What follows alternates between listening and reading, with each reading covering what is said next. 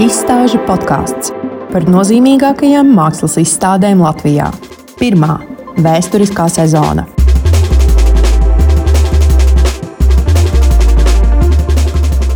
Sarunu inicijējusi Alise Careva ar Fondu Mākslā vajag telpu un Kultūra Kapitāla fonda atbalstu. Par otrās izstāžu podkāstu epizodes varoni tika izvēlēta izstāde Maigās svārstības.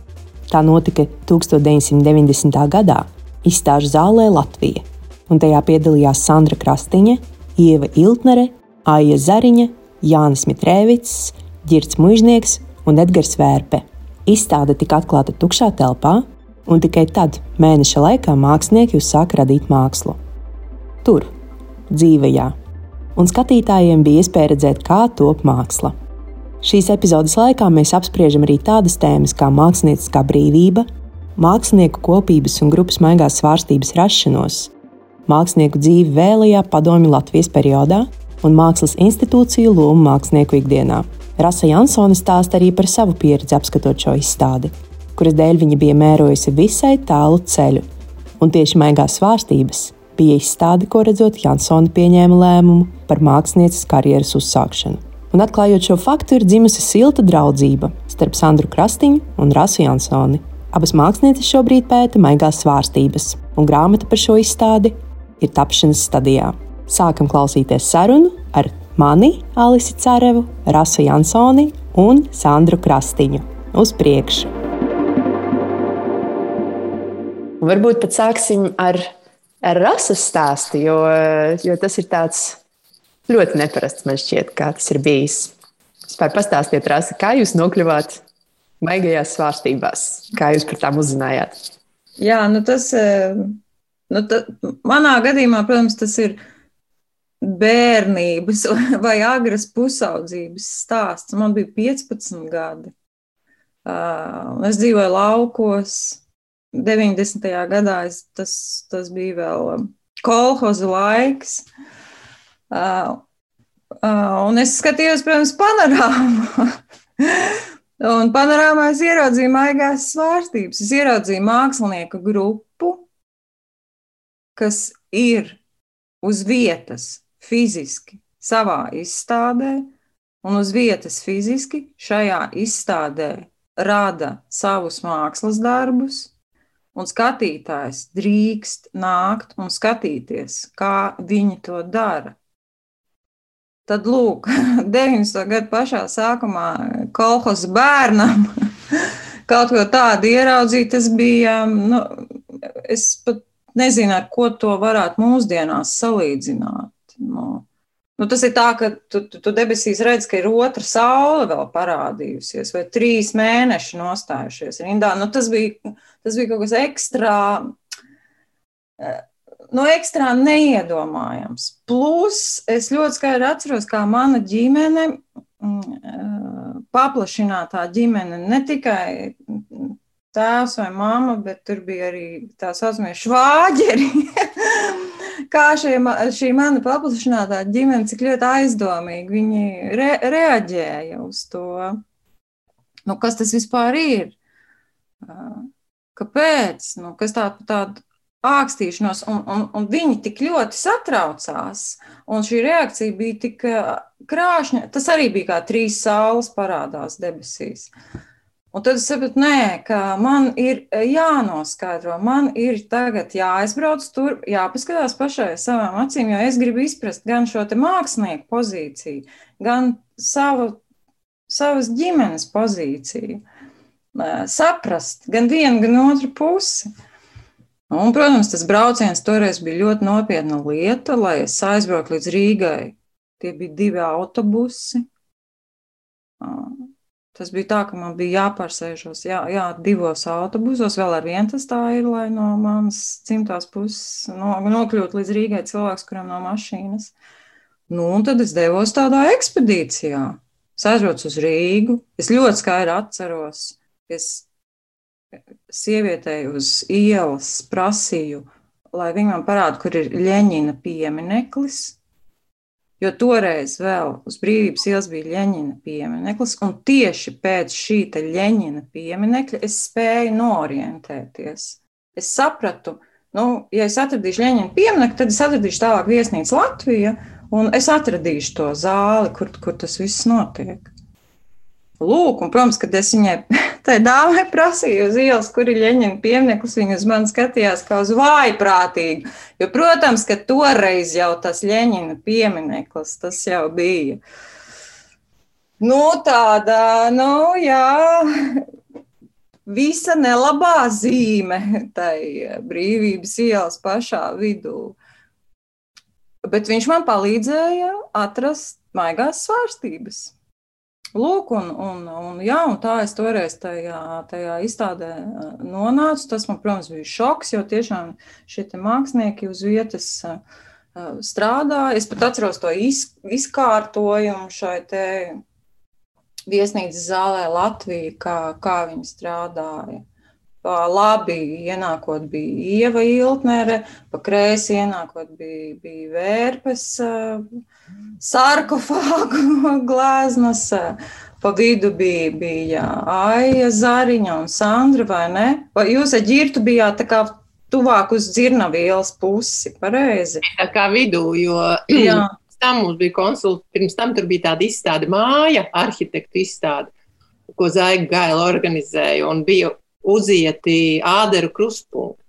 À. Tajā vietā, kur bija mani darbi, bija ļoti, ļoti aktīvs āderu krustpunkts, kur neviens negribēja. Un, un Zaiga Gaila toreiz bija ļoti pārņemta ar Latvijas sētas pareizo konfigurāciju, ka visi Latvijas sētas ir bijušas konfigurētas izējot no āderēm. Un tad viņi man brīdināja, ka tajā vietā, ja tu nostāsies, tad ir vai nu, vai nu milzīga neveiksme, vai milzīga veiksme. Un tā kā tās vietas arī nebija nejaušas, katrs tur izvēlējās, kā viņš varēs labāk strādāt. Jā, lūk. Nu, nu jā, un es pat atceros, uh Es pat atceros, ka ģirtam mūžniekam bija mugurā. Es, es atvainojos par, par šādām trivialitātēm. Viņam bija rakstaini jaka, melns ar ziliem tādiem pleķīšiem. Nu, noteikti kaut kāda ogres trikotāža vai kaut kas tāds. Un tā jostas somiņa viņam bija ap vidukli. Un, un, jā, tas viss uz mani tas atstāja vienkārši graujoši, graujoši tiešām iespēju. Un tad es sapratu, ka es braukšu vēlreiz Es braukšu skatīties jau, jau uz mēneša beigām, jā, ar, ar ko tas viss būs rezultējies un kā, kā, kā tas viss būs. Un es tiešām atbraucu arī otrais uz izstādes beigām. Man liekas, es pat atceros, aiz zariņas viens darbs bija nonests lejā pa kāpnēm. Tā ka viņu varēja skatīties cilvēki, uzejot augšā pa apaļveida kāpnēm, tu varēji skatīties no kāpņa augšas lejā uz grīdas, bija aiz zariņas darbs. Nu, kaut vai šāda eksponēšanas forma jau arī tas viens, pat, pat neiedziļinoties vēl šajos te darbos katrā atsevišķi, jau šāda eksponēšanas forma vien bija kaut kas nu, nu, neredzēts. Jā. Tas bija kaut kas pilnīgi tāds atbrīvojošs, kaut kas līksms ļoti. Kaut kas ļoti, ļoti, ļoti priecīgs. Nu, lūk, jā, un tas, protams, tā, tas mans brauciens uz Rīgu ar šiem diviem autobusiem atpakaļ tās pašas dienas laikā, nu, tās bija tādas, nu, jā, nu, jaunības diena, agrīnās jaunības, nu, tādas ekspedīcijas, kas maina tavu dzīvi, jā. To es tiešām tā, tā varu teikt. Protams, ar, ar atpakaļējošu datumu, jo tajā brīdī, nu, kad tu piedzīvo kaut ko grandiozu, tieši tāpat kā ar traumām, man liekas, tas ir. Tu vispirms kaut ko piedzīvo. Un tikai pēc tam, gadiem ejot, lēnām, lēnām, tu sāc saprast, izvērtēt, nu, novērtēt, aprakstīt jā, pats sev, kas ir tas, ko tu esi tur pieredzējis tajā konkrētajā jā, savā dzīves punktā. Nu, un pēc tam, protams, gadi gāja, daudz un dikti. Un Normunda Naumaņa um, kritikas mākslā balvas pasniegšanas ceremonijā es biju viena no nominantēm, un tur uz skatuves man uzdeva jautājumu, nu vai tad ir kāda izstāde, kas, ir māj, kas jūs ir iespaidojusi, vai ko jūs atceraties, vai es pat neatceros to īsti precīzi to jautājumu, bet es, protams, uz tās skatuves tur absolūtā stresā, es spēru ārā šo maigo svārstību vārdu un, un piesauc visus māksliniekus, Man tiešām liekas, ka es nosaucu visus tā godīgi pēc kārtas, jo tas vienmēr ir ļoti svarīgi, lai precīzi atkal un atkal, atkal tiek atskaņot mākslinieku vārdi. Uh, un skatītājos sēdēja Satorija redaktors uh, Henriks Zēgners. Un viņš man pēc tam teica, uzraksti. Vienkārši uzraksti. Nu, tu uzraksti, kā tas bija. Un tad es uzrakstīju, un tad to izlasīja Sandra, un tā mēs iepazināmies faktiski tā, nu, jā. Un, un sākām par to, par to runāt. Un ceru, ka runāsim vēl daudz un dikti. Tas ir, eh, tas ir tieši tas stāsts, kura dēļ es vispār vēlējos sākt šīs podkāstu sērijas. Jo, oh, jo, jā, jā, jo es tieši, tieši lasīju jūsu to, to stāstu diezgan sen, nu, kad, tas, kad tas notikās. Uh, kad viņš varēja būt publicēts. Es pat neatceros, nu, bet viņš tā man zemapziņā. Nē, nē, nē, es ļoti labi to atceros. Viņš tika publicēts pirmā lockdown, pašā, pašā, pašā uh -huh. sākumā. Uh -huh. Tā kā cik tad, tad divi gadi? Nu, gan trīs divi gadi, jā. Un es atceros, ka tas stāsts pastāvēja, bet es nevarēju atcerēties, kas viņu rakstīja. Un kaut kā atklāti sakot, es nemaz nesāku to baigi googlēt, bet es, es zinu, ka kaut kas tāds bija. Un tad, kad uh, radās šī ideja par, uh, par podkāstiem, kas būtu saistīti tieši ar tām izstādēm, kas ir bijušas nozīmīgas, nu, kā tad mēs definējam to, kas ir nozīmīgs vispār? Man šķiet, ka tas ir definējams tikai šādos personīgajos stāstos, kur mēs, nu, mēs tiešām redzam, ka kādam tas ir mainījis dzīvi. Jo man arī ir izstādes, kuras es uzskatu, ir manī līdz viņām es biju viens cilvēks, pēc viņām es esmu cits cilvēks. Bet varbūt es jautāšu arī Sandrai, kādas ir viņas tādas galvenās atmiņas, varbūt tieši ja mēs sakām, maigās svārstības, kas pirmais jums nāk prātā no visa tā notikušā? Jo tur ir bijis tik daudz. Ne, nu, kad nāk prātā maigās svārstības, šis izstādes nosaukums e, pielipa mūsu mākslinieku grupai, un to min vēl aizvien, jebkurā mūsu individuālajā e, apskatā par mūsu katra persona, personāla izstādi, kā pantiņš, man liekas, jau kopija paste sākās tāds. Teiksim, Sandra Krastiņa ir no maigos vārstību grupas. Mēs sen vairs neesam grupa. Tātad mēs neesam grupa, var teikt, jau 30 gadus, jo maigās svārstības bija uh, mūsu kopizstādes tā kā kulminācija, un pēc tam mūsu grupa kā tāda, kā grupa, sāk iet katrs savu ceļu. Bet uh, maigās svārstības mums ir pielipušas, un, un tas ir tas dzīvot spēks, kas, uh, kas ir neatkarīgi no mums un ko mums piedēvē. Bet, ja mēs runājam par vārdiem un māksliniekiem, es nedaudz iezīmēšu to, to fonu, kā radās šī izstāde. Tātad izstādes dalībnieki ir Sandra Krastiņa, nu, tā kā es sāku to runāšanu, Ieva Viltner, Jānis Mitrēvits, Edgars Vērpe, Girts Muļnieks, Aizariņa. 90. gads. Bet es gribu teikt, ka mēs akadēmiju beidzām plus mīnus 80. gadā, 1980. gadā. Un kā grupa mēs darbojāmies apzināti un aizvien intensīvāk desmit gadus. Akadēmijas laikā pēdējos kursos mēs nebijām visi kursa biedri. Edgars Vērpe beidz pedagogus, Girts Mužnieks gada ātrāk arī pedagoģisko nodaļu tāda burtiski plec pie pleca mēs strādājām. Ieva Viltnere un Jānis Mitrēvits un es, mēs bijām pie Induļa Zariņa meistara darbnīcā un Aija Zariņa, un sākumā grupā bija arī Vladislavs Rubulis. Viņi mācījās pie Boris Bērziņa.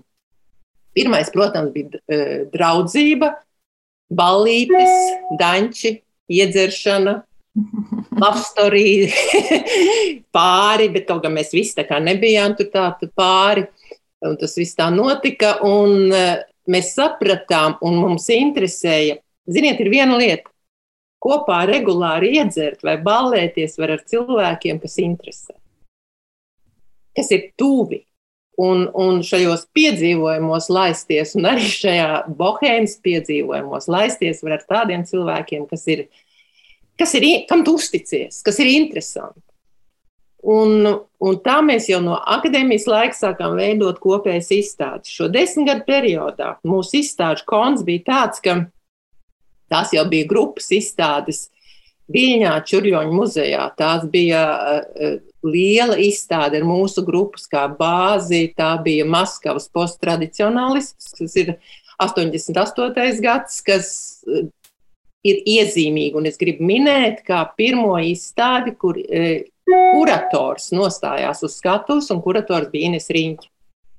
Līdz tam tāds kurators, eh, tāda institūcija vai tāda izpratne, ka kurators ir uh, mākslas izstādes veidotājs, ne tikai mākslinieks sanes savus darbus, teiksim, uz draudzības principu vai kaut kādu kopīgu sajūtu principu, bet ka nāk viens mākslas zinātnieks, kas uh, kas izvēlās māksliniekus, kas būvē izstādi. Un tad lūk, šī Maskavas posttradicionālisma izstāde, kur uh, bijām mēs kā, kā bāzi, bet vēl tur piedalījās Frančiska Kirke, Dāca Lielā, Miervalds Polis, laikam arī viss. Bet tas ir 88. gads. Un iedomājieties, mēs aizbraucam uz Maskavu. Latvija vēl nav, Latvija vēl nav pasludināta, bet mēs aizvedam un savā izstādē izkarinām sašūtu sarkanbaltu sarkano karogu. Blakus ir milzīga izstāde Francisam Bekonam. Mēs esam blakus Bekonam, un mēs esam izkarinājuši, ko mēs vilcienā šuvām kopā. Tagad ir kā, kā, kā senajos laikos, baigi strīdās, kura šuva, kura nē. Es uzreiz saku, es nešuvu, jo es neprotu šūt. Mēs izlikām to karogu. Un nākamais mūsu solis bija, mēs braucām uz Ņujorku arī Ines Riņķa bija kuratore. Tad saprotiet, tas mūsu ceļš līdz maigajām svārstībām ir tāds secīgs.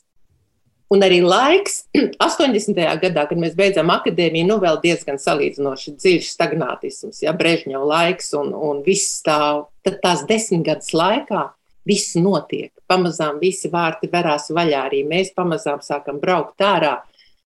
Un tūlīt, tūlīt būs pašiem sava valsts, vai arī nebūs.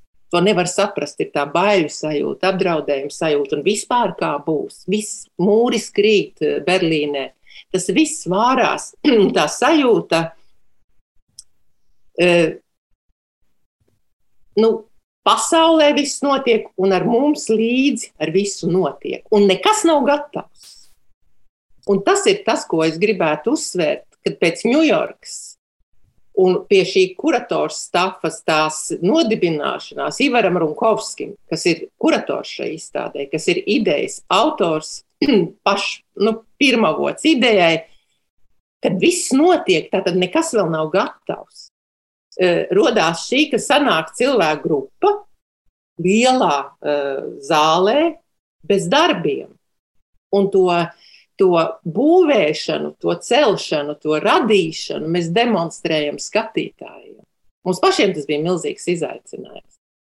Bet otrs, ko es eh, gribu minēt, un maigajās svārstībās vairs nepiedalījās Vladislavs Rubulis, jo viņš bija var, nevis tā kā viņa mākslas ceļš bija klusāks. Viņam tas likās, viņš, viņam likās tā tāda baigā izrādīšanās. Un es teikšu, šis izrādīšanās moments mums vienmēr ir bijis, jo otrs mūsu grupas nosaukums, ja mūs kāds grib nolamāt, mūs sauc par Holivudu, kas, kas nebija nekādā veidā mūsu inspirēts. Bet šis izrādīšanās, tas saprašana, ka izstāde ir jāsagatavo, ka jāstrādā ar presi, ka presē jādod imidžu bildes, ka, ka, ir, ka ir pašiem jādemonstrējās Kaut kā pucēties mums patika jau arī bez demonstrēšanās, vai ne? Un, nu, tas bija pirmo reizi tāds apzināts. Un pirms maigajā, un tur jau bija tas niknums cilvēkiem, kad ir skaisti sabildējušies, ka grozās pa avīzēm, bet nekā jau nav. Nav jau darbu. tas sakot, tā, tas sakot, eh, bazūnē, nu, tā kā pa tukšo, jā. Un nu, tā bazonēšana bija mums pilna klapa. Jā, mums atklāšanā zāle bija tukša, mēs visi skaisti sapucējušās. Kultūras ministrs toreiz bija Raimons Pauls, bija Raimonda Paula runām, un zālē bija viena no operas. Liela, tas ir skaistā baltā kleita arfis, un spēlēja arfu. un uh, Rēmans Pauls runāja. Un es tagad domāju, tā bija arī milzīga uzdrīkstēšanās no politikas.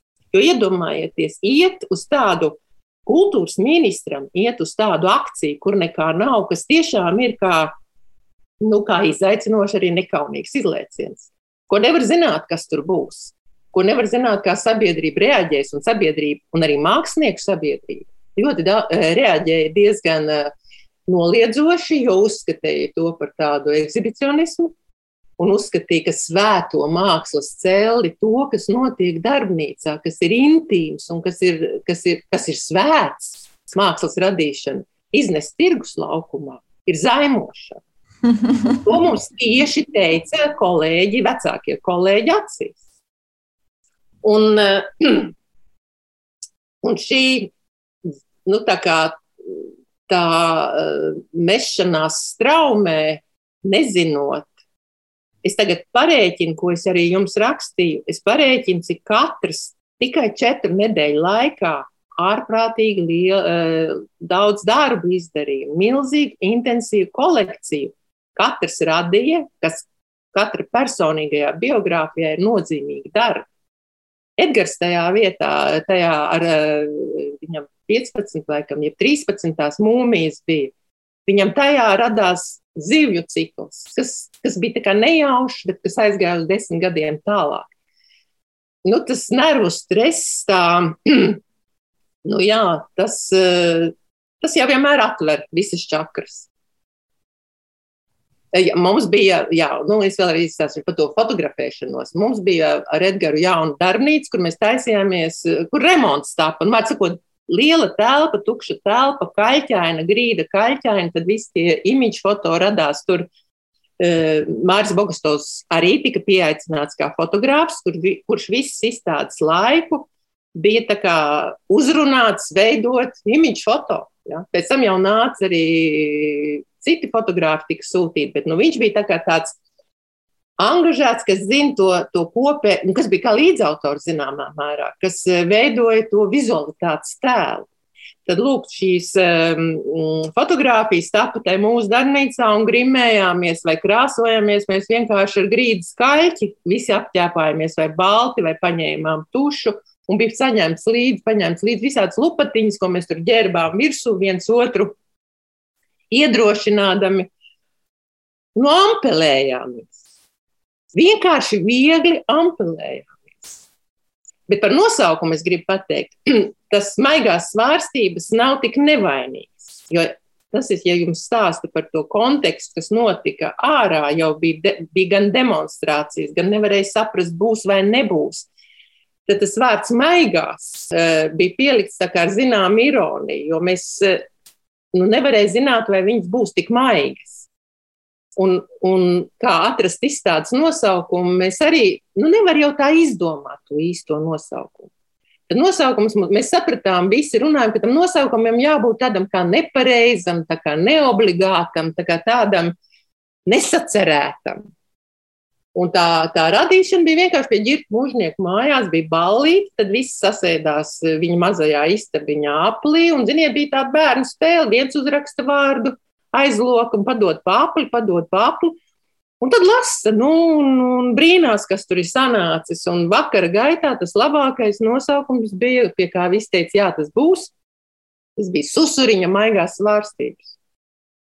Un nu, viss šķīrās ar nosaukumu, ka susuriņa maigās svārstības būs šī izstādes nosaukums. Nu, tad susuriņš kaut kā nokrita un palika maigās svars. Viņš aizgāja. jā, viņš kaut kā aizgāja.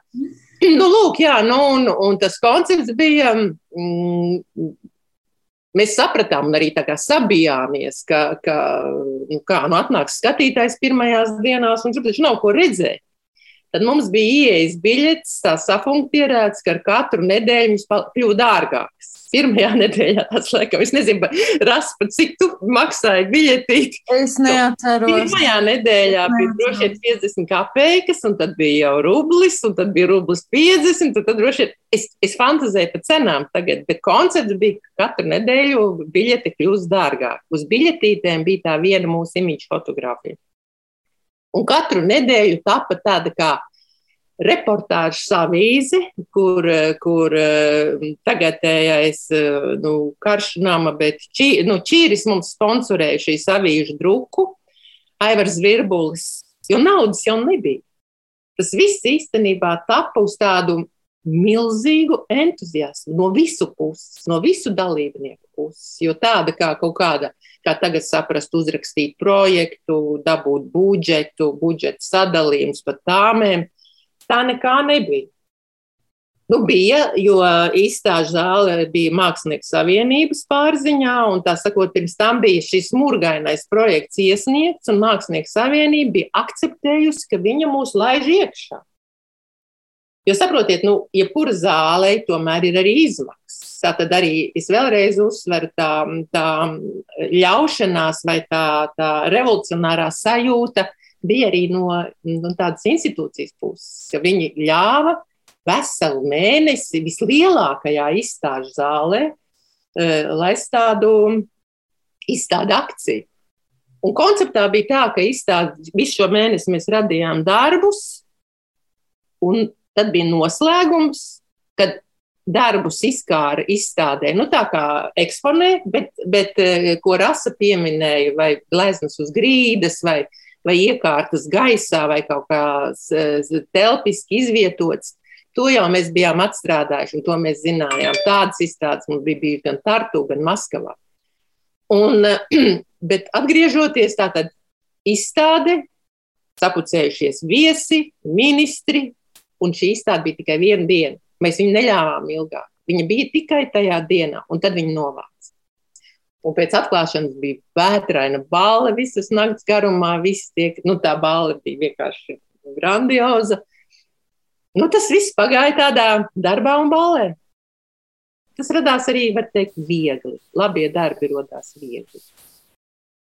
Man liekas, ka tajā avīzē to redzēt, ka tas ir kaut kas tāds, kas rodas viegli, ātri, bet pārliecināti arī kaut kādā ziņā, ka tur nav kaut kādas eh, tās ļoti dziļās eh, šaubu sajūtas par to, ko mēs darām. Nē, tur bija kaut kāda pārliecība, izskatās. Nu, vismaz no tām avīzītēm, avīzītēm, avīzēm, rakstiem, ka viņi, viņi tapa un ar viņiem bija jādalās, un arī tā uzdrīkstēšanās. Un, uh, Tas, kā jūs strādājāt ar presi arī no ārpuses, tas arī ir ļoti interesanti. Vispār man liekas, ka līdz tam neviens tā nebija darījis, bet arī pēc tam īsti. Man liekas, ka jums ir tas visveiksmīgākais kaut kāds eh, mākslinieka imidža stāsts Latvijā, kur, eh, kur jūsu atpazīstamība visiem uzreiz radās no jūsu grupas.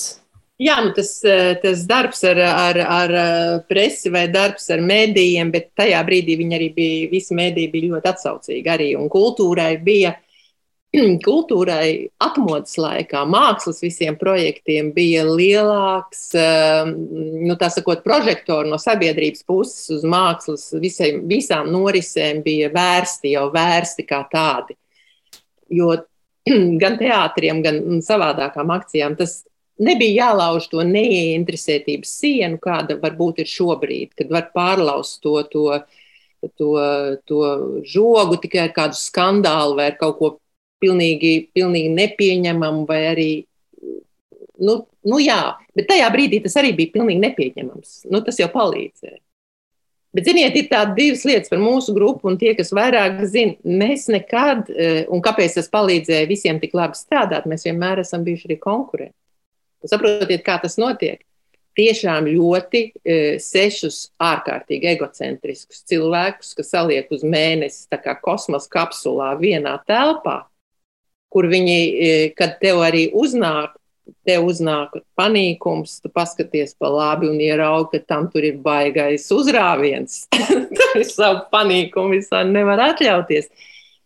Jo tādā nozīmē, kā grupa ar kopēju manifestu, ar kopēju mērķi mēs nekad neesam bijuši. Nu, tādu definētu mākslas kopēju, definētu e, nu, platformu, kas ir nosaukta Mēs esam bijuši tādi domu biedri, ka mākslā ir milzīga nozīme. Mēs esam bijuši kā draugi, bet mēs tajā mākslas nozīmē neesam visi pagājuši zem vienas tādas koncepcijas cepures. Un, nu, tā tas bija, jā. Un tagad arī tās atmiņas, protams, katram ir citas, un, un uzsvari katram ir citi un veidosies izdevniecībā neputnas, veidosies uh, grāmata par, uh, par maigajām svārstībām, es tagad apzvanu savus kolēģus un jautāju, vai tev ir fotografijas no tā laika darbiem, tad es tikai uzzinu, ka, piemēram, Jānis Mitrēvits pēc tam visus ir darbus, tos vērienīgos darbus, aizvedis uz izgāstu. Jo viņam bija tādi instalatīvi tie darbi. Un ļoti daudzi darbi no tiem ir zuduši, un ļoti daudzus darbus uh, mēs pat nesapratām paši, ka pēc tam ir labi kaut vai jāsafotografē. Tas gaistošums, tā zūdība ir tiešām neticama. Jo no otras eh, ir arī jāsaprot, ka, lai safotografētu, lai fiksētu, lai, lai glabātu, lai krātu, tam jau mums nebija naudas. Mēs tā izšāvām kā raķeti, un pēc tam, nu, tā sakot, slava bija, bet pēc tam atdūrāmies katrs pie sava nekā, Un, un man, piemēram, uzreiz pēc tam bija piedāvājums muzejā izstādi veidot tieši no maigo svārstību darbiem. Bet man nav naudas, ko nopirkt audakus. Un es esmu divus gleznojumus no maigo svārstību gleznojumiem uzmālējis citas gleznas virsū, kas tagad man ir žēl. Bet toreiz tajā nu, nav kur sprukt, un man nav, un es saprotu, arsenālā bildēm jābūt lielām, audekla man nav naudas man nav, un es krāsoju virsū tiem darbiem. Tik daudz prāta man ir bijis, ka, ka es um, nofotografēju labi tos darbus toreiz. Un tagad es skatos, ka es esmu aizkrā, aizkrāsojis ne tos sliktākos ja, no tā komplekta, kas man bija. Un, un tas, tas ir tas, tas zudošais.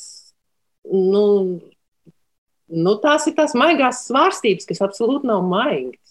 Jā, jā, tieši tā. Es to arī gribēju vēl uh, iesprost savu, savu vārdu. Um, jā, Alis, tu saki, nu, ka tur bija tas, uh, ka tas, tas, tas bija nu, veids, kā, kā maigās svārstības sarunājās, teiksim, ap presi un tā avīzīti, nu, ka tur bija tas vieglums, ja.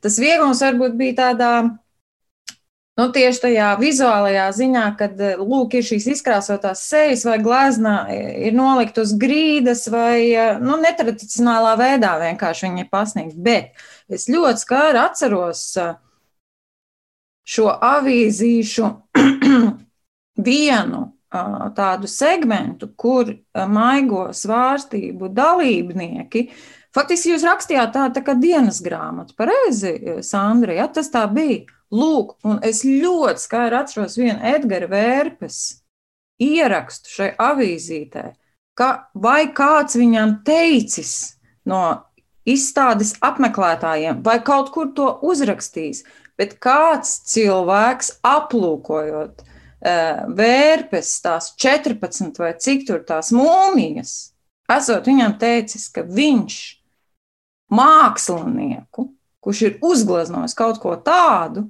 14 reizes, viņš 14 reizes grib viņu nožņaukt. Šo mākslinieku 14 reizes viņš viņu grib vienkārši žņaukt par šo mākslu. Un tas tiešām, nu, tas nevarēja būt nekur citur. Es noteikti to izlasīju tajā avīzītē. Nu, kā, kā citādi es būtu varējusi tam tolaik tikt klāt šādu veidu informācijai? Nu, lūk, Un pēc tam es to esmu stāstījusi uh, sniedzēju kālei, bijušā Mūksels uh, salona uh, direktorai, kur arī uh, Sandra vai ne, maigos vārstību darbi tika izstādīti vienā Jā. no pēdējām salona izstādēm.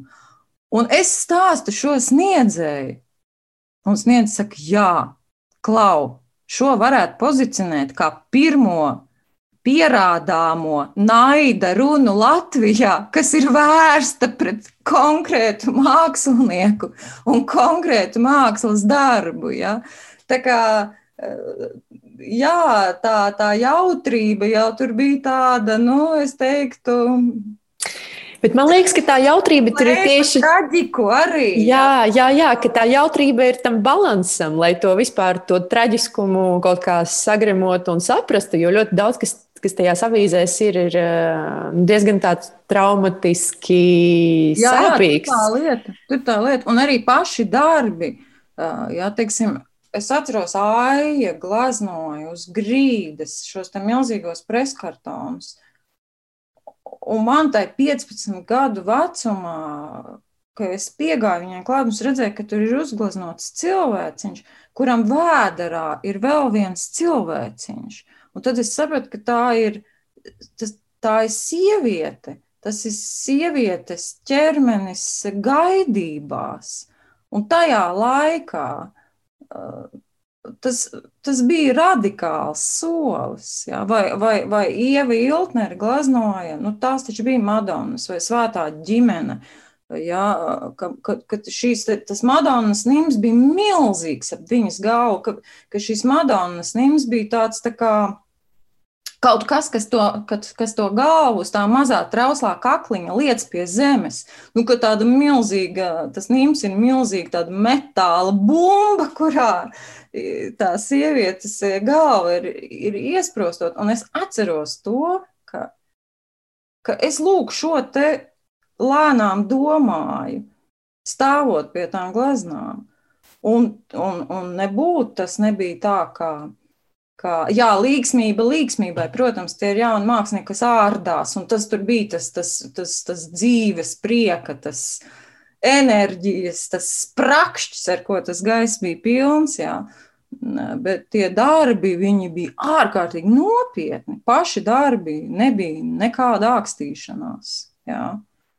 Tas, tas, tas amizieris un tas, tas tā ņemšanās, tas jau bija tajā darbībā ap Bet, manuprāt, to mākslas darbu dziļākais kodols bija viss nopietnākajā veidā iecerēts, un visnopietnākajā veidā viņš līdz skatītājiem arī tika novadīts cauri visai āršķirībai un Holivudas, Holivudas jā, zelta putekļiem, teiksim tā.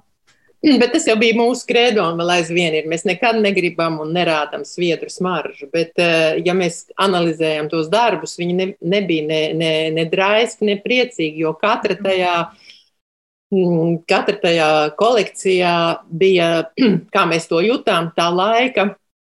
Nu, traumatisms, tā laika, eh, tā mūsu paša arī, iespējams, bailes vai nemieris, darbi tika glaznot pa īstam, bet to attieksmi es tagad pēkšņi tavā runā atcerējos. Mums taču mums piezvanīja un teica, ka toreiz tāds jauns mācītājs Vanaks, kas tagad ir arhibīskaps, vēlās ar mums parunāties, jo izskatās, ka mēs esam īsti bezdievi.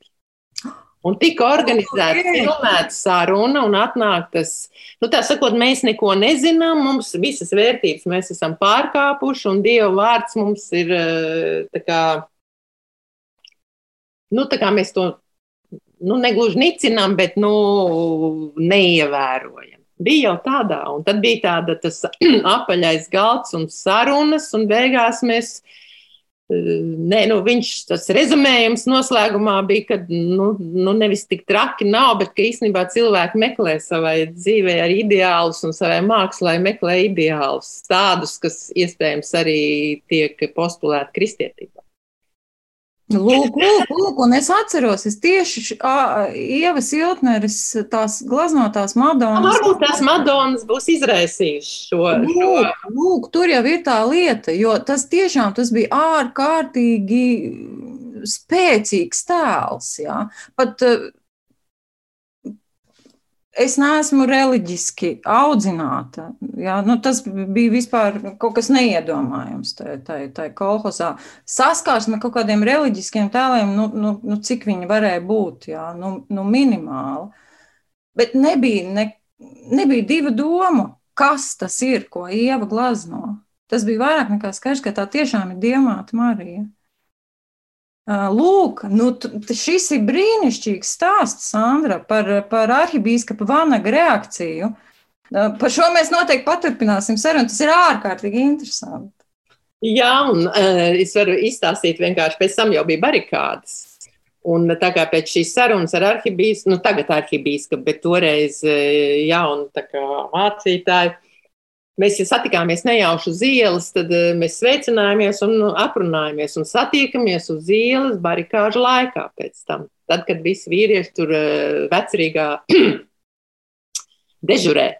Un satiekam Vanagu, un Edgars Vērpē ar Vanagu tagad runā, nu kā būs būt. Un Vanags saka, ka nu, viņš taču ir mācītājs, bet viņš nevar tur nebūt vecrīgā pie tiem ugunskuriem. Un ka viņam vienkārši ir sevi jāpozicionē kaut kādā veidā, viņam tas jautājums ir jāatrisina. Kā viņš varētu vardarbīgi, nu, zināmā mērā, vardarbīgi uzvesties, ja kas notiks. Un tad viņš sev Un es kā tagad atceros, mēs ejam pat tagad ejo brīvības ielu no vecrīgas, jau izējām ārā, un viņš tā lēnām saka, viņš sev ir pateicis, tā kā viņš ir ar karatē nodarbojies kādreiz. Tad viņš to sev pozicionēs kā tādu karatē cīņu pēc tiem noteikumiem. Burvīgi. Katram jau bija jāatrod, katram jau bija jāatrod tas, eh, nu, tā motivācija, mm. gan tur, gan izstādē. Un tad mums arī likās, jā, vienu brīdi likās, mēs tikai mālējam, un aiz ielas notiek nu, traģiskas lietas, tā kā briest viss kaut kas, bet mums ir jānāk un jāglazno. Un tā glaznošana jau, protams, notika ne tikai skatītāju priekšā, kāds nāca ļoti agri no rīta, kāds strādāja pa naktīm, bet pieminot to dienas grāmatu, mums bija tāda klade tajā nu, iekštelpās, kas ir dienas, kā, kur mēs eh, pārģērbāmies un dzīvojām. Kopēja klade, kopēja dienas grāmata, kas kas, eh, kur katrs ierakstīja, un brīžiem tie nervi bija tik atkailināti, ka tur bija ārkārtīgi, ārkārtīgi pat privātas. Nu, tā bez cenzūras tur gāja. Eh, jo tā uzticēšanās, protams, bija viens otram arī milzīga, neviens neizmantos to kaut kādā savādākā veidā. Un, un nu, nu, tie sprakšķi un nervu uzliesmojumi un, un, un, un izsavienojumi bija diezgan daudz. Pie tam mums arī jau no mūsu ģimenēs ir mazi bērni. Vēl jāpiemina mūsu mammas, kas tajā brīdī bija tikpat varonīgas. Jo, jo no rīta tu celies, un, un katrai ir divi mazi bērni, un tie paliek mājās. Ja, tur, nu, jā, bet nu, kaut kā veselam cilvēku kopumam likās, ka to vajag darīt. Ne tikai mums, bet tie, kas arī mūs atbalstīja projektā visās nozīmēs. Likās e, un, un ticēja, ka tas ir jāceļ augšā un, un Latvijā būs aizvien intensīvāk, un tas jau ir tikai sākums. Tā sajūta visiem bija, ka tas ir tikai sākums. Visi darbi, kas tur bija izstādīti, bija ļoti liela formāta. Un, kad es tagad, mūsdienās, nu, pēdējos nezinu, 10, 15 gadus analizēju, kas ir tas, ko Latvijas mākslinieki dara, viss ir ļoti neliels. Kā tā, kā tā varēja būt, ka tajā kontrastā, kur jūs aprakstat, ka nekā nebija, nebija naudas, bija tās problēmas, bet tajā pašā laikā vienalga bija tā vēlēšanās un nepieciešamība taisīt tos milzīgos darbus. Nē, nu man jau tā nepieciešamība ir vēl aizvien, un es labprāt taisītu vēl lielāks, un arī taisīšu vēl lielāks. Bet, ziniet, kā bija? Mums ar Edgars, piemēram, bija, eh, bija tā kā darbnīciņa, bet es nezinu, tā bija 5 metri reizes 7. Tāds neapdz, bija tādi neapdzīvotie fondi, un tad tu tiec tādā telpā, ko tu nosauc par darbnīcu. Jau arī pirms tam mēs glaznojām tāda izmēra gleznas, kuras es nesu uz ielas, būri ielā, lai es tikai uz ielas viņas varēju paskatīties. Un tas bija tāds Tas bija tāds, tur tāds uh, kanģas tecinātāji un spirta pārdevēji un tāds uh, krimināls rajons. Bet, uh, un tad, kad es nesu tās gleznas uz ielu, beigās visi tie kaimiņi, kas tur bija tādi, nu, tādi citu profesiju pārstāvji, mani dziļi cienīja, palīdzēja tās gleznas nest, un kad es nācu, man viņi tā taisnā leņķī klanījās. Jo viņš tur kaut kas notiek tāds, kas arī ir nu, smags darbs vai, vai novērtē. Un tad, nu, tagad pienāk tā maigo svārstību izstādes iespēja. Man bija pirmā doma, un vienīgā gandrīz, ka beidzot varēs vēl lielākus darbus taisīt. Jā, nē, nu, nerēķinājās ar apstākļiem, vai viņus centās ignorēt. Bet uh, tad ir tas nākamais, ko es jums stāstu, un pēc tam jau nav kur likt. Ja, nu, tāpēc Jānis viņus arī kaut kā tur utilizē. Jā, nē, ar, ar to utilizēšanu arī man šķiet, arī, nu, tas, tas tāds bieži stāsts uh, fantastiskiem darbiem. Man liekas, no, no pēdējā, cik es atceros, arī uh, Dzilo darbs, kurš bija Purvīša balvai izvirzīts. Viņi arī nevarēja viņu saglabāt pilnā apjomā no tā, kas tika izstādīts sākotnēji. Un tas, kas bija izstādīts muzejā, jau bija galvenajā tajā izstādē tikai pats mehānisms, bet darba jau nebija. Bet tas ir, gan sabiedrība, gan nu, ne sabiedrība, īstenībā cilvēki nevar iztēloties, kāda ir jebkura mākslinieka, nu, teiksim, praktiķa, mākslinieka praktiķa dzīve ilglaikā. Tas nav tikai uztaisīt darbu, izlikt izstādē. Kaut kur viņu radīt un izlikt, un varbūt eh, dabūt finansējumu tāpat šodien. Tas nozīmē arī pēc tam viņu glabāt. Glabāt gadiem. Eh, kaut kur. Tas kaut kur ir telpas, ja tas nav šķūnītis. Ja tas ir šķūnītis, tad viņš tur iet bojā. Un, un man ir vispār laba anekdote. Mums ir darbnīca. Un tajā darbnīcā, protams, ehm, glabājās ļoti daudz mani darbu un Edgara darbu. Un mūsu dēls bija tāds pusauģu vecumā, un pēkšņi viņš saprata, ka tas jau nāks viņam mantojumā. un Kārlis saka tā, kur mēs visu to liksim, kad jūs, un tad viņš saprata, vairs nebūsiet mākslinieki. Viņš nevarēja izrunāt, kur to visu liks, kad jūs nomirsiet? viņa, viņa, teiksim, tāds puikas prāts uzreiz to, to nu, un, un tad Edgars teica, nu, tad tu būsi bagāts, jā, tad, bet, bet viņam ir šaubas, jo, jo nu, arī mantiniekiem, nu, ko viņi manto milzīgi daudz, lielgabarīta kaut kādus objektus, nu, ko lai viņš dara? Tas ir tas. Tas vedina uz tiem mazajiem darbiņiem. Bet tie, kas ir spītīgi, tie vēl aizvien taisa lielu. Nu, jā, protams, tā, tā problemātika ar eh, darbu uzglabāšanu. Es eh, savā galerijas naivumā saskāros ar viņu ļoti ātri, jo principā galerija bija baznīcas ielā un viņa bija 35 metri. Jā. Jau pēc trijām izstādēm kļuva skaidrs, ka nu, jāsāk meklēt citas telpas, jo vienkārši tur, tev nav kur tos darbus likt. Ļoti ātri tas notiek. Tad, Tad saproti, ka tev ir motivācija kaut ko pārdot ne tikai tāpēc, ka tev vajag naudu, bet arī tāpēc, ka tev nav kur to vairs likt nu, pavisam nekur. Un tad man tas dzīvoklis kļuva par galerijas daļu, jo nu, viss ir apkrāpies. Es domāju, ka māksliniekiem tas ir vēl simts reizes trakāk tajā ziņā. Uh, bet, uh, bet jā, tas varbūt arī saistās ar tādu papildu jautājumu. Es saprotu, ka 90. gads vēl ir Padomju Savienība, Bet vai bija kāds, kas varbūt vēlējās arī kādu no jūsu darbiem sev? Kādā nozīmē sev? Kāds vēlējās iegādāties kādu darbu? Nu, pēc tam jau viņus tie, kas bija, jau pirka un nopirka. Jā, tajā brīdī es neatceros. Tajā brīdī, nē, tas jau ir 90. gads. Viss mainās, tāda kultūras ministrijas pirkuma situācija vairs neeksistē.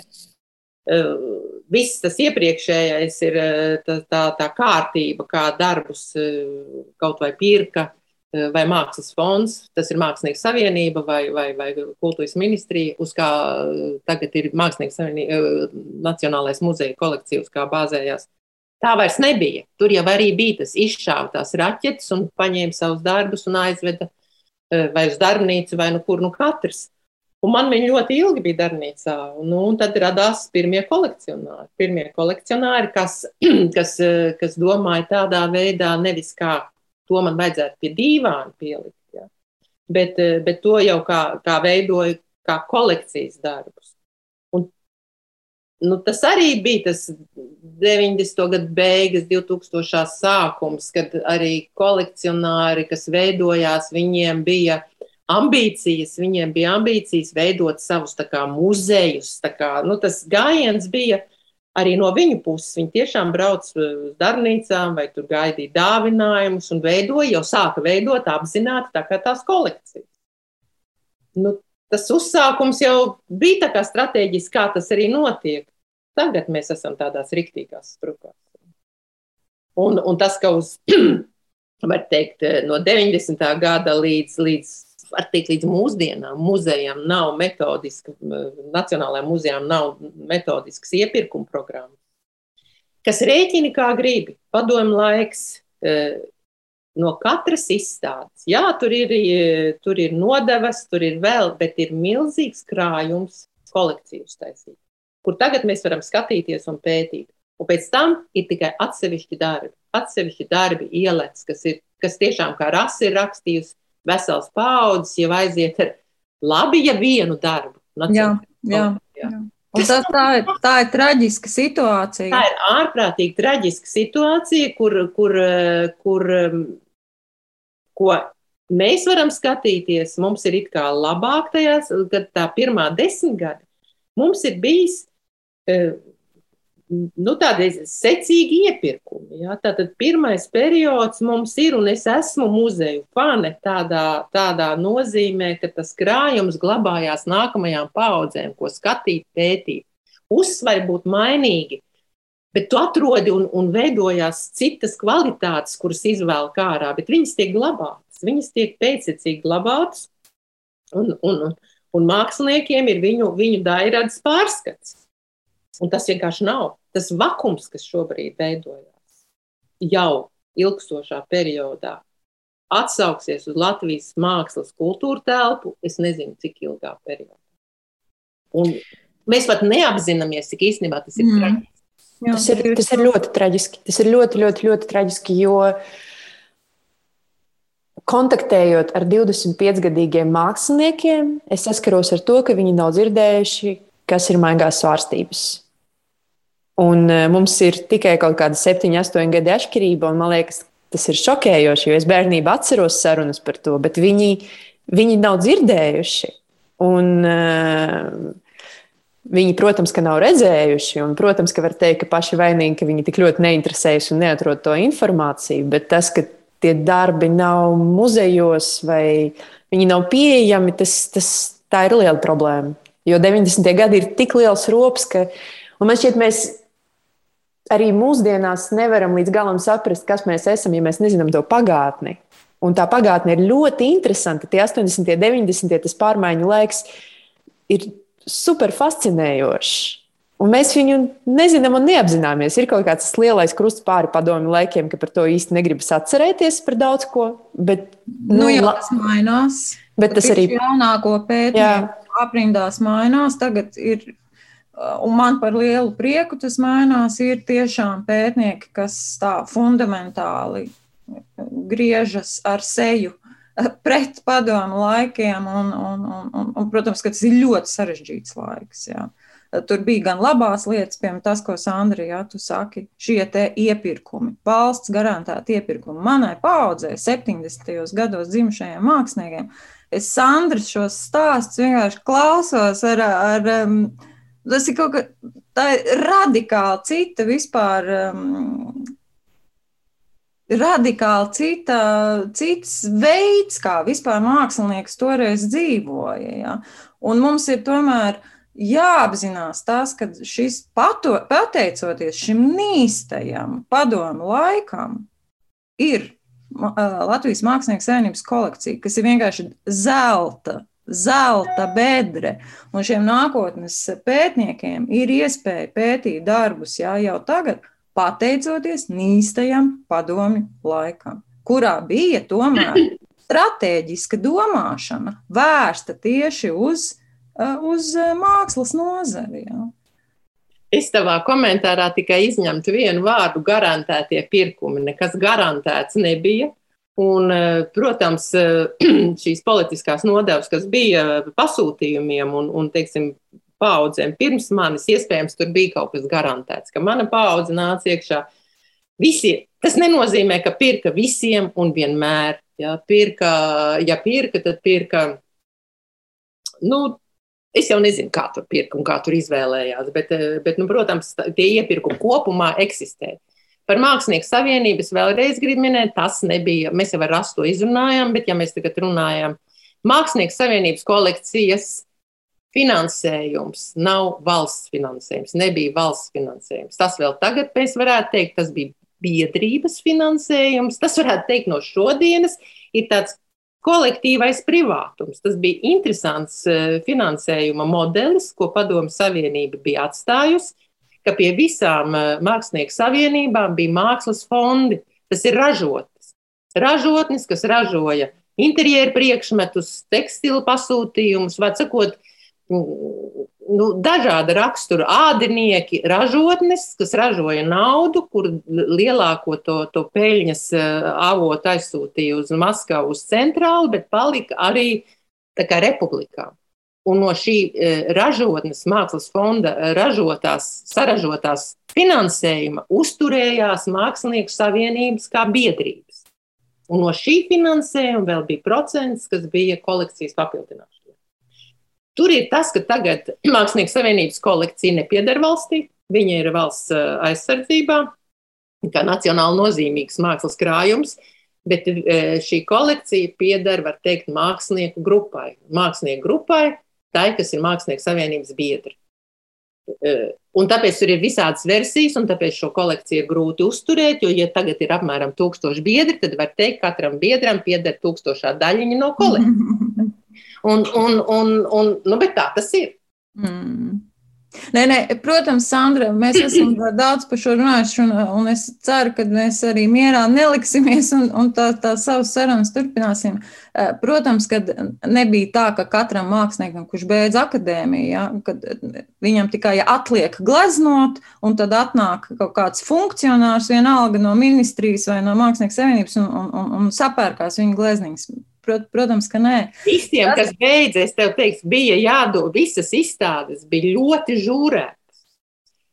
Kāds ir vispār tas ceļš, kā mākslinieks, eh, kā akadēmija beidzošs studentiņš, gleznotājs var tikt eh, izstādēs? Bija tās saucamās jauno mākslinieku izstādes, kas bija milzīgi žūrētas. Tu aiznes savu darbiņu, un tad viņu vai nu, vai nu viņu tā lielā žūrija. Žūrija sastāvēja no, nezinu, no, no, gan no funkcionāriem, gan no, no ministriju pārstāvjiem, gan arī tur bija tie, tie mākslinieki kaut kādi. Viņi visi sēdēja, tur bija kaut kādi 50 cilvēki žūrijā vai 20. Un tie te nu, pieņēma vai nepieņēma to darbu. Un tādā veidā krājās šīs izstādes, kas visas, ka tu kā jauniņais kaut kur tiki iekšā, tas tu bija izgājis žūrijas siet. Un, un, un tad tev krājās tās izstādes, un tad tu varēji pretendēt. Jo bija jau otrs modelis, krāsas, kā nopirkt krāsas.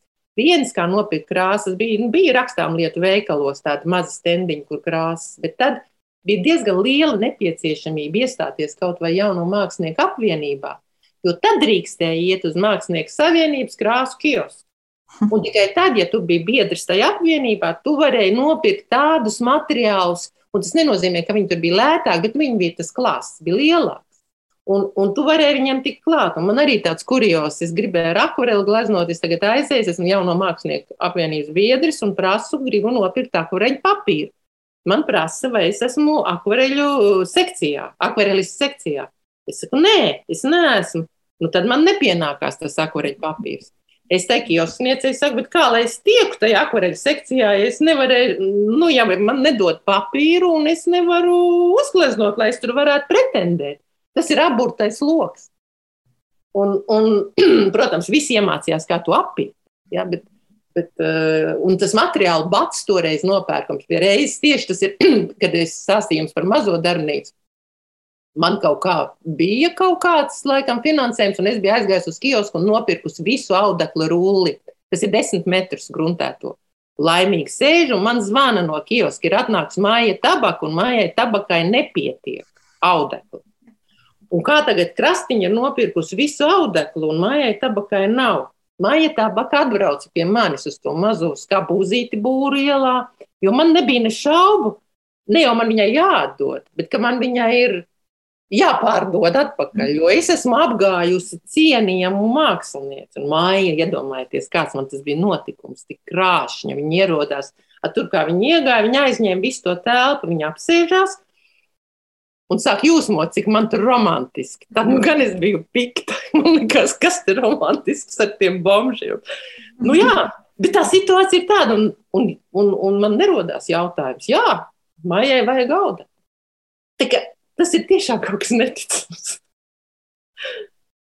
Un tādā veidā tās maigās svārstības, ja mēs griežamies atpakaļ, tas tā kaut kā materiāla sagādāšana vai, vai, vai kravas mašīnas sagādāšana vai darbu pārtransportēšana, tas nenotiek kā tagad. Tas notika, nu, tas bija milzīgs menedžments, atrast ar kaut ko, ko sarunāt. Tas nenozīmē, ka, ka maksāšana bija tas līdzeklis, kā kaut ko norganizēt. Tas bija kaut kāds tāds neticamas sarunāšanas modeļi, kā kaut ko varēja dabūt. Un, un gan Ivars Runkovskis, gan Jānis Mitrēvits, viņi jau ziķeruši tādām lietām, un tad viņi to lielo, to karkasu tā kā prata uzbūvēt. Jā, nu runājot par tiem padomu laikiem, vēl nespēju nomierināties. Tas, kas mani fascinēja, un, protams, ka nu, padomu laiks, nu, ko es to kā bērns piedzīvoju, ja nekad nekā cilvēks, kuram šajā sistēmā būtu uh, tas vai cits mākslas darbs jārada. Uh, bet tas, kas ir fascinējoši no tāda nepiedzīvojuša cilvēka skatu punkta, ir tieši šī stratēģiskā domāšana kas viņiem bija attiecībā pret nacionālajām mākslām. Protams, mēs varam teikt, ka jā, mākslinieku savienība tas ir tika radīts arī kā māksliniekus kontrolējoši. Jā. Protams, protams, tas ir obligāti mums eh, jāpasaka, un tas ir obligāti jāpēta. Un tai pašā laikā, ja mēs gribam būt eh, godīgi pret šo savu kopīgo mantojumu, mums ir jāpasaka tomēr arī tas, ka uh, dažādos ļoti radošos veidos. Ja, šī mākslinieku savienība spēja funkcionēt arī kā mākslinieku pašpalīdzības tāda struktūra. Ja, jo, kā tu, eh, Sandra, to esi man stāstījusi, komisijā, kas lēma, kas iepirks darbus, bija mākslinieki. Un mākslinieki lēma par to, kuru citu mākslinieku darbus viņi pirks, nepirks. Faktiski kurus citus savus amatbrāļus viņi atbalstīs, jā, palīdzēs. Un tā ir ārkārtīgi interesanta un, un, un pētāma lieta. Ja? Un pateicoties šīm te, no vienas puses vardarbīgajām, no otras puses izdomas pilnajām stratēģijām, mums ir šodien ja, šis mākslas mantojums. Un paies vēl 20 gadi, un jaunie pētnieki, protams, ka viņi pētīs padomu laiku glezniecību, tāpēc ka viņiem būs šī miesa. Šie darbi, šis izpētāmais materiāls, ja? un es paredzu ziedu laikus, vienkārši pētniecības bumu un ziedu laikus, tiks izpētīt visi, katrs kvadrātcentimetrs, ja? Sandra, arī tavās mākslinieku savienībā atklātajā krājumā pieejamajās glaznās. Jo vienkārši būs par ko jā, būs iekšā kā iedziļināties un būs ko, ko pētīt. Nu, tā jau tas bija domāts. Jā.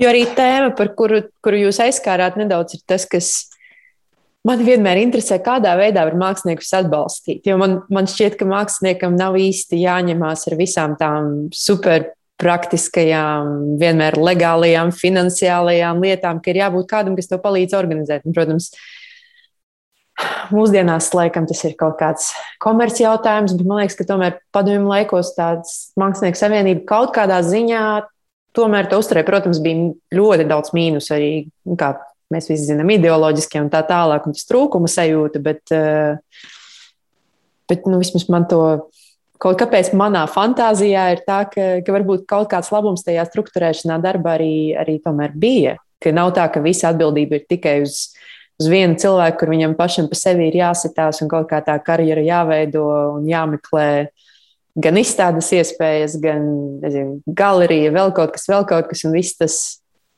tādā pašplūsmā. Nu, es gan teiktu, ka eh, tas, kas attiecās uz mūsu paudzi, 80. gados jau tā nebija, bet kad dzird, kad eh, nu, tam ir tāds burkānu un pātagas uh, efekts, tur bija ļoti solis solī. Jo mūsu laikos vairs tā nebija, bet, piemēram, kad nāca iekšā miervaldes polis un līga purmali, eksistēja tāda, nu, bija tādas gleznotājas sekcijas sanāksmes, un tur notika reāla kaunināšana. Kolēģi, tā sakot, skaidroja un mācīja, ka tā nu gan nav glezniecība.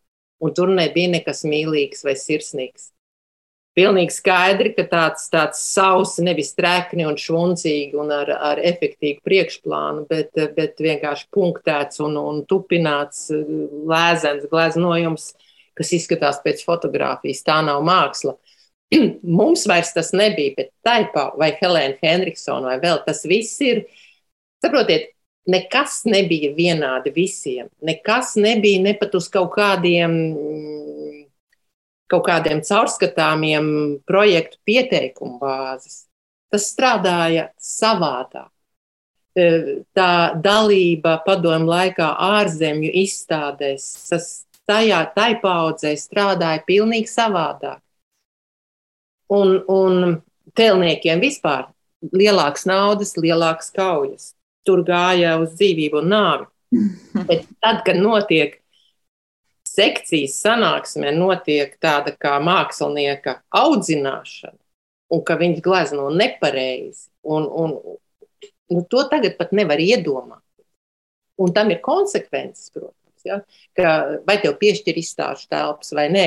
Tagadējā Mākslinieku savienības mājā, kas, kas Daugaumālā ir, kur tagad jau tā izstāžāla maz darbojās, tā bija tāda brīvāka un, un vaļīgāka izstāžu zāle, kur varēja pieteikties uz personāla izstādēm tajā laikā. Un, ja akceptēja, tur pat bija zināms finansējums izstādes iekārtošanai. Tā tas bija. Bet, lai tu viņu dabūtu, tev bija jābūt nu, kaut kādā veidā paklausīgam.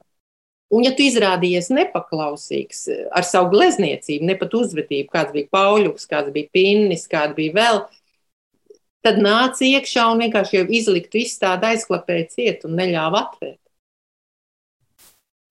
Nē, nē. Man, pat man ir aizmirsies, kā tas bija.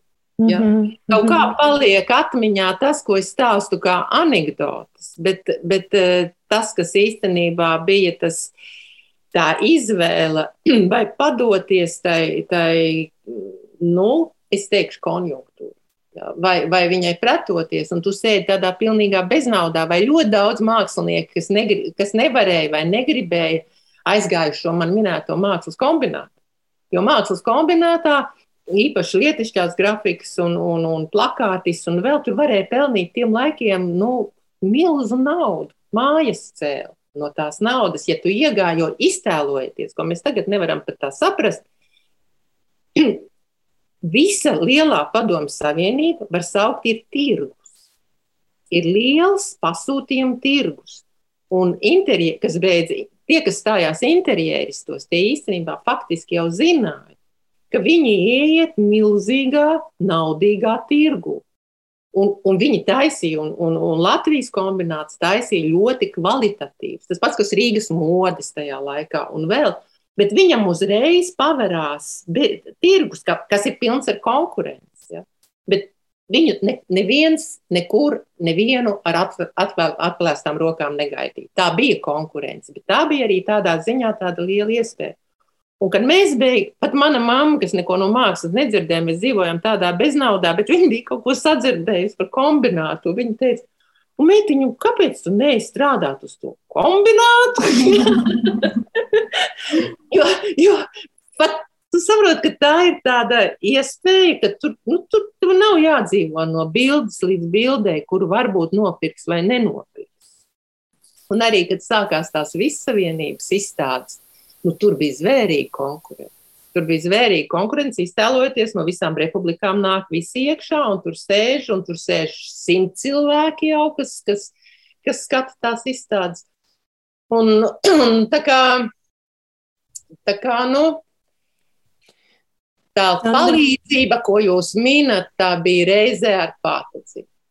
Sandra, bet liels paldies par jūsu atklātību par visu šo, jo, jo kur nu, ja ne no jums to visu uzzināt, jo bieži vien tiek idealizēta gan viena, gan otra puse, un man liekas, ka tās megās demonizēta. Vai demonizēta? demonizēta? Jā, tieši tā. Un tas ir tas, ko, par ko es vienmēr gribu ies, iestāties, ka, protams, tad, tad kad nāca vaļā no otra brīvvalsts, brīvvalsts, ja 90. gadi, padomu laika glezniecība, māksla, Tas viss tika pabāzts zem tāda milzīga, liela, nu, viss tas nekas nav. Viņi bija pārdevušies visi šim te, jā, tur padomu laika visiem tiem mehānismiem.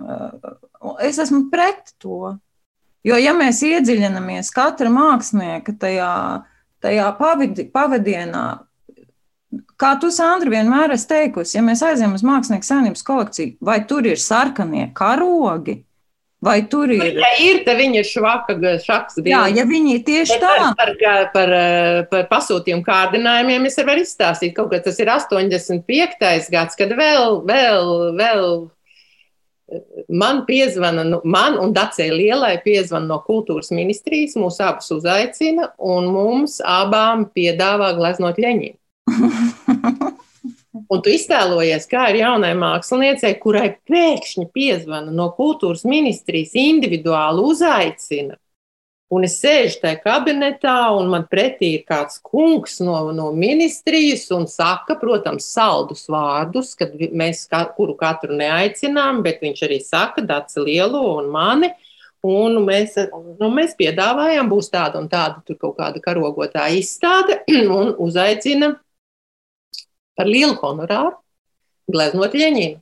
Eh, sakot, ka, ka mēs jūs nekā neierobežosim, bet eh, tā, tas motīvs ir tāds, ka Ļeņins te izkāpa Rīgas stacijā. Nu, tāda stacija un Ļeņins te Jūs neierobežosim, bet Ļeņins izkāpa Rīgas stacijā. Jā, bet nu glaznojiet kā grib. Es tagad sēžu un saku, ka padomāšu, un Dats lielā tieši tāpat mūsu atsevišķi nereizē. Arī saka, padomās, pēc tam mēs sazvanamies un runājam, nu gan ir traki. Un, un ziniet, kāda tad ir situācija? Es izstāstu savam vīram mājās, ģimenei, un visi klusē. Neviens jau nesaka, neglezno. Bet tu arī redzi, ka visi domā, nu tas būs pat traku. Un tad mēs diezgan intensīvi draudzējamies ar Miervaldu Polu, un es Miervaldim to saku. Un viņš saka, un kas tad tur? Es varu gleznot gan kaķus, gan suņus, un viņam arī ir viens leņķis, ko viņš ir uzgleznojis. Un es viņu uzgleznoju, un tagad viņš stāv tajā kolhozā skapja. Viņš tas ir. Saprotiet, tā bija tajā laikā tāda, kā arī renesanses, visi baznīcas apgleznotāji, tie bija pasūtījumi. Tātad viņš jau neaizgāja neviens mākslinieks un ne, neapmālēja baznīcā frīzes. Tas bija pasūtījums. To visu laiku mums stāstīja arī Induls Zariņš. Galvenais, cik labi tu pasūtījumu uzgleznos. Nu, lūk, un tā es staigāju mokos ar šo leņķinu. Naudas nav, pēkšņi. Un es tomēr aizēju vēlreiz, un es saku, nē, es neglaznošu, jo tā būs konjunktūra. Pie tam vārdu konjunktūra es esmu nu pat iemācījusies. Bet tu saki to, Sandra, tu to teici tam ierēdnim? Tam ierēdnim, nu es piesakos, jā, un es ah, aizēju, un okay. būs konjunktūra. Un ko viņš? Tā viņš saka, es jau tajā brīdī nesapratu, ka īstenībā tas ir viņš, kam krēsls deg, nevis man. Viņš sāk lēkāt uz savu krēslu, it kā tur būtu cepešpāna palikt apakšā, un sāk reāli draudēt, maigi. Jo tu jau vari atteikt, nē, es, es neatceros, tu vai jūs varat atteikties, nekas jau nebūs, bet, nu, Var kādreiz arī izstādēs nepieņemt. Kā tu domā? Tas ir ļaunākais, ko tādam jaunam māksliniekam vispār var pateikt. Mm. Nepieņems izstādē. Jā. Viss! Ar to brīdi arī viss tas, eh, tas ko tu pieminēji, tas atbalsts vai, vai tā iespēja, vai manam eh, egocentrismam, kā es gribu kļūt par mākslinieci, durvis ciet. Bet es vienalga saku, pie tam es biju ļoti sapucējusies, un man bija tāda muļķīga cepura, ko es biju noņēmusi. Un vēl tagad es to pazemojumu atceros. Un es esmu pateikusi, jā, uz konjunktūru es neparakstos, ceļos augšu, eju prom. Viņš saka, pagaidi, cepuri aizmirs. Un man tā man skaistā cepura palikusi uz krēsla, aiz uztraukumu. Un es nezinu, kāpēc no tās situācijas man visriebīgākā tā situācija, ka es to cepuru aizmirsu. Nu jā, nekas jau mums ar daci neaizgāja atteikties, daci izlikās pa beigt un vienkārši ar neuzgleznoju. Nu, jā, un pēc tam jau es tikai, un pēc tam nu, nāca tādas citādākas tādas atsauksmes, bet nekas nenotika. Nekas nenotika. Jo vairs nekas nenotika. Jau mūsu paudzē tas nevar notikt. Bet, bet tie piedāvājumi bija, un tie piedāvājumi bija naudas ziņā un arī iespēju ziņā vilinoši. Un tas maigais, tas, kas pēc tam sekoja, nu, nekas jau tev nebūs tikai tas, tas un tas, nu, arī nav tik vienkārši. Un tas uh, apkārtējās sabiedrības klusēšana. Jo tev neviens nesaka, nedari, nedari, vai dari, dari. Skatās un klusē. Mm. Nav vienkārši. Jā, protams, protams un, un, un viņi klusē arī tāpēc, ka ļoti sarežģīta ir arī šī tava reakcija kā klausītājam, nu, kā ģimenes loceklim. Jā, jā. Jā, nu, cilvēks klusē, tāpēc, ka viņš saprot, cik sarežģīts šīs jautājums ir.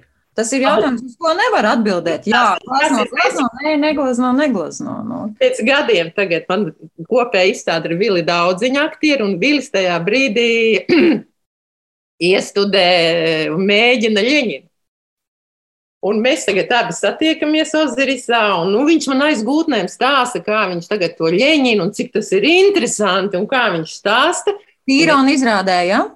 Tīra un izrādēja. Nu, tur, bija, tur viņš bija tas ļeņins. Jā, jā, jā. Un es viņam tagad stāstu savu stāstu pretī. Un Vilis ir man pretī ar nesaprotošām acīm, jo konteksta nav. Kāpēc tu nevarēji, nu, foršs, nu, interesants tēls, kāpēc tu nevarēji viņu gleznot? Jo to konjunktūras aspektu, to, kas tajā brīdī mums likās, nu, šito Rubikonu, šitā pārdoties, gan es nevaru šodienas paudzes un šodien, un Vilis vienkārši nesaprot. Es saku, bet pagaidi, pagaidi. Bet, bet aktieriem tajā laikā tēlot Leņķinu, tas taču arī nozīmē jau pilnīgi citu kontekstu, kā tagad tev. Viņš tā padomā, viņš saka, jā. Nu, ja tu tā saki, jā, bet īstenībā tas tā, tā, tā, tā to laiku saprašana ar šā brīža pieredzi vienkārši daudzas lietas nevar saprast. Un tieši tāpēc par to ir jārunā, tas ir padziļināti jāpēta, ir, ir, ir jāapklaušina mākslinieki, tie, kas vēl grib runāt, un, un ne visi grib runāt. Es arī esmu saskārusies ar to. Ka mākslinieki, tas nav pats par sevi saprotams, ka mākslinieks runās ar tevi. Tikai tāpēc, ka tu interesējies par viņa mākslu. Nē, tas nemaz nav pats par sevi saprotams. Uh, Tā kā īsnībā, Sandra, jā, tu esi no runātājām, un tas ir eh, brīnišķīgi. Bet taču krāšņi stāst, vai ne? Lieliski. Jā, jā. Bet arī, arī tas parāda tas konteksts, to, cik tiešām uh, megās svārstības kā izstāde bija kaut kāds sprādziens visā tajā. Tas, tas arī ir jāsaprot tas konteksts, lai saprastu to, kāpēc tam bija tāda rezonance. Jo uh, tas nav vienkārši par to, ka atklāta izstāde uz mēnesi tukšās telpās. Viņi ir visur presē, viņi ir jauni, skaisti, un visi grib ar viņiem uh, būt kopā. Tas, tas nav tas efekts. Nē, nē, nē, tas nav par to. Tas ir arī par to pasauli, kas ir, kas ir ārpus. Un arī, protams, kad mēs zinām, kas notiek pēc izstādes, jā, mēs to visu sākam savilkt kopā ar neatkarību un visu to, bet, bet tobrīd jūs taču nezinājāt, kā būs. Tobrīd. Mēs nezinājām, pēc tam arī bija barikādes, un tas viss bija tiešām nezinājām. Un pēc tam, kad jau arī bija 90. gadi, tas, kad likās, nu, tūlīt, tūlīt viss būs, bet tas jau parādās arī mūsu glezniecībā, ka tā kā nenotiek, un, un viss tas, tas nu, nu, tie mutuļi, tā nabadzība, tā nesaprašana, bet tajā pašā laikā viss ir vaļā un viss iespējas. Es tomēr es to atceros, tas ir tā arī mūsu paudze, kā ar tādu pozitīvu vilkli. Jo likās, šo pārdzīvos, bet būs, būs un noteikti būs. Taču galerijas veidojās. kaut kas nobruka, bet kaut kas pilnīgi jauns institūcijas veidojās. Un, un, un, un tāda kā mākslas sazarojums, kā māksla veidosies, tas viss tappa. Man liekas, ka tagad ir pat grūtāk tā situācija. Nu, mums pilnīgi skaidrs likās, ka būs laikmetīgās mākslas muzejs, un būs tāds muzejs, un būs tāds muzejs. Par to šaubu nebija. Ja es toreiz, vai mēs toreiz 90. gadu vidū saprastu, ka 20. kurā gadā mums nav laikmetīgā mākslas muzeja, ka mums galerijas iet aizvien mazumā, mazumā, mazumā, ka pat tam pašam Nacionālajam muzejam arsenāls tagad ciet vizuālajai mākslai, tagad es negribu to vārdu minēt, bet tādā caurumā, kā mēs esam, tas ir vienkārši ļoti tumšs caurums. Un, un, jo Bet nu, es savā vecuma grupā domāju, kas man cits atliek. Es vienkārši gleznošu. Jo, jo un es vienkārši strādāšu. Un strādāšu tik labi, jo šā vai tā tie periodi pāriet. Bet, ja tu neesi strādājis, tad, tad kad tas ielicis atkal kaut kādā vilnī, nu, tad tu arī tur plikiņš esi. Bet, ja tu esi strādājis, tad nu, tu atkal esi. Tev ir ko teikt, vai ar ko teikt, vai ne? Viennozīmīgi. Man īstenībā ir vēl viens tāds, varbūt es nezinu, vai tas ir pēdējais jautājums vai nē, bet es vienkārši skatos uz laiku un nezinu, cik daudz jums vēl ir priekš manas laika. Bet um, vai jūs, Sandra, varbūt varētu pastāstīt par to Amerikas izstādi, jo es par tām īsti vispār neko nezināju. Kā, kā tas notikās? Jums ir par divām izstādēm derētu painteresēties par šo posttradicionālismu, ko es minēju. Mm -hmm. Jo tā ir tiešām, var teikt, pirmā uh, nu, kūrētā izstāde. Ines Riņa. Mm -hmm. Un eh, Ines Riņķa, Ines Riņķa tobrīd strādāja Mākslinieku savienībā. Viņa, viņas, viņas pārziņā bija arī šis izstādes, eh, izstāžu būvēšana. Bet Ines ir cilvēks, kas jau 80. gadu otrā pusē, jau tad, kad vēl nebija pat brīva Latvija, sāka runāt par galeriju. Viņa bija noskatījusi pie brīvības pienekta, kur bija avio kases. Viņa ar mums tikās. Viņa runāja par galeriju, par galeriju principiem, par galeriju izstādēm, ko mēs vēl kā mākslinieki vispār nesapratām, kas tās galerijas ir. Ines to visu bija izpētījusi un tāds kuratora, tāds tvēriens e, viņai bija, un tas ir šis posttradicionāls kas Maskavā, viņš Maskavā ieskanējās jau arī ar milzīgu tādu, nu, ar ļoti lielu rezonanci priekš. Maskava zināja daudzas lietas, un viņiem visi tie undergroundisti arī pietiekami. Un tomēr mūsu izstāde bija e, nozīmīga tajā Maskavā.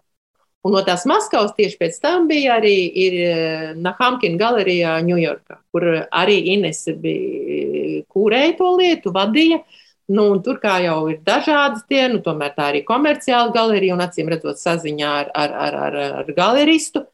Tā izstāde bija plašāka, man liekas, 23 mākslinieki. 23 mākslinieki ir katalogs, un tur arī nesiderētu paši parunāt. Ja? Viņi stāstītu un viņi zinātu, kā tas viss veidojās. Bet tā bija arī neticama situācija. Uz to Ņujorka aizbrauca aizbrauca visi, nu, gandrīz visi mākslinieki un, un, un tā izstāde, kas tur notika. Tā mums bija pirmā reize Ņujorkā, ļoti intensīva, vesela nedēļa Ņujorkā. Bet man jāsaka, ka personīgi man tas bija tieši mēnesis pirms tam. Es pirmo reizi biju tādos rietumos, es mēnesi nodzīvoju Toronto. Un tad pēc dažām dienām bija tā jābūt Ņujorkā ar to kā, kā izstādē. Toronto kanādieši vispār nevarēja saprast, kāpēc man jābrauc atpakaļ uz Rīgu, tad no Rīgas uz Maskavu, tad no Maskavas uz Ņujorku. Ja pēc piecu, piecu dienu laikā es četras dienas varu padzīvot ilgāk Toronto, un viņi man aizvedīs. Bet Tas nebija iespējams. Viņi savukārt visi teica, raustīja plecus un teica, nu, cik neloģiski, nu, un cik vispār. Un es savukārt nesapratu, nu, kas tur neloģisks. Lai aizbrauktu uz ārzemēm, jābrauc uz Maskavu, jānomaina ārzemju pasi, un tad tur, tur jāslamstās, un tad jālido, kur jālido. Tā, tas tā uztver arī tādu, jā, nu, tātad šis posttradicionālisms un, un, un, un Hamkina izstāļņu. Un pēc Nahamkina izstādes Ņujorkā aiz Zariņu uzaicināja personāla izstādi, kur arī Inese bija tā kā vairs nekā kuratora, droši vien tur bija aiz Zariņas un, un, un galerijas attiecības. Un Aija ar, aizbrauca ar savu vīru, toreizējo Ivaru Runkovski, un tur Ivaram, un tad Ivars atbrauca uz Latviju, un Ivars saprata, ka ir jādara kaut ko vairāk, un tad bija maigās svārstības. Tas ir 80. gadu beigās, ka mēs ļoti daudz jau redzējām un braucām, un braucām arī ar savu mākslu. Un arī mūsu māksla tā kā interesēja, eh, jo visiem tā bija aizvērtā zona. Ja neviens nezināja, kas tur ir. Man liekas, tobrīd mēs bijām ļoti eksotiski kā reģions, pavisam aizvērti, nesaprotami. Man liekas, ka tā interese no, nu, vismaz tas, ko es no amerikāņiem esmu dzirdējis, nosacītā 2019.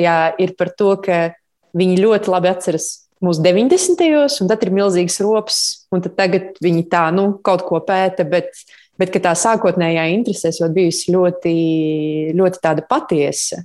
Jo nevarēja saprast, kas tur notiek. Patiesa, viņa bija ļoti patiesa, viņa bija ļoti spilgta, bet cik es esmu uh, uh, lasījusi uh, tur Krievu lielos, tur Kabakovu kon, Maskavas konceptuālistu grupu, kur, kura faktiski visi tagad jau tā pirmā paudziņa, visi dzīvo ārzemēs, kā viņi tik ārā, tā viņi tur arī paliktais ārzemēs.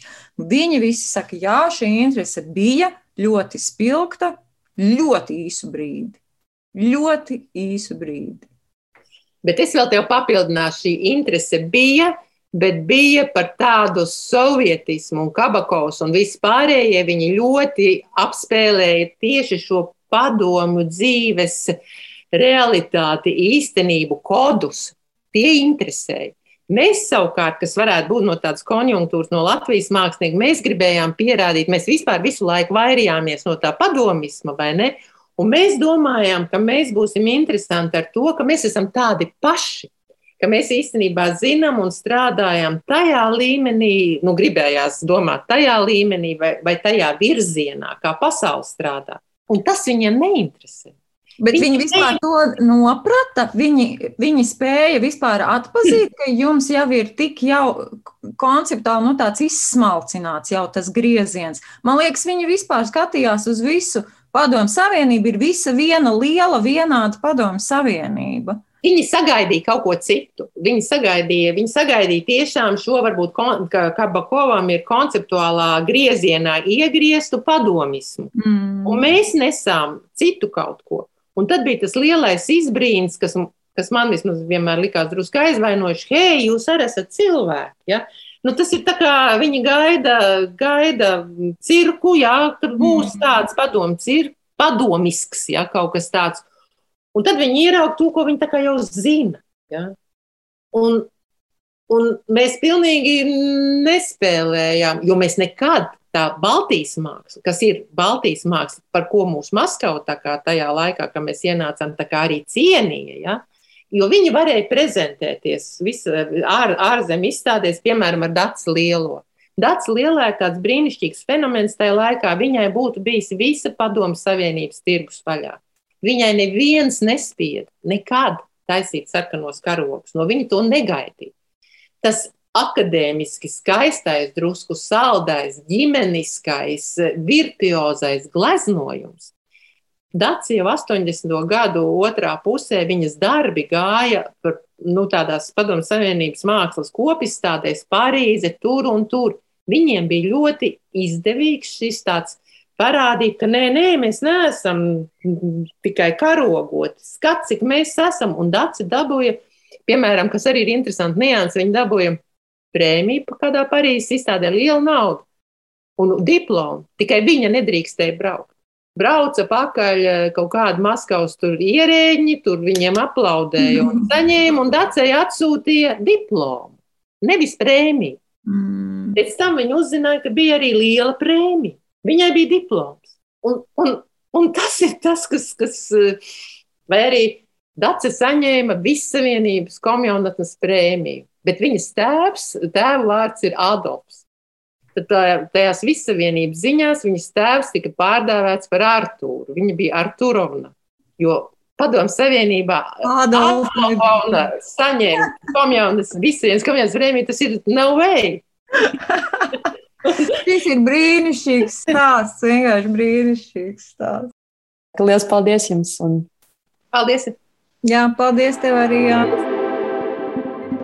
Lielas paldies Sandrai Krastiņai un Rasai Jansonai par šo brīnišķīgo sarunu, viņu laiku un atklātību. Sekojiet izstāžu podkāstam. Šajā sezonā jūs gaida vēl astoņas epizodes. Nākošā būs par Soras izstādēm.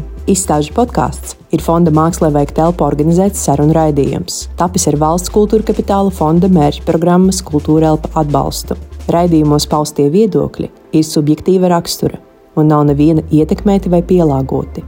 Fonds Mākslā vajag telpu ir projekta idejas autors un realizētājs. Izstrādājot struktūru, neviejaucies sarunu saturā. Raidījums vada mākslas pētniece Alise Careva. Projekta vizuālo identitāti veidojusi Luīza Rukšāne, bet audiovizuālo noformējumu podkāstam veidojis Kaspars Groševs.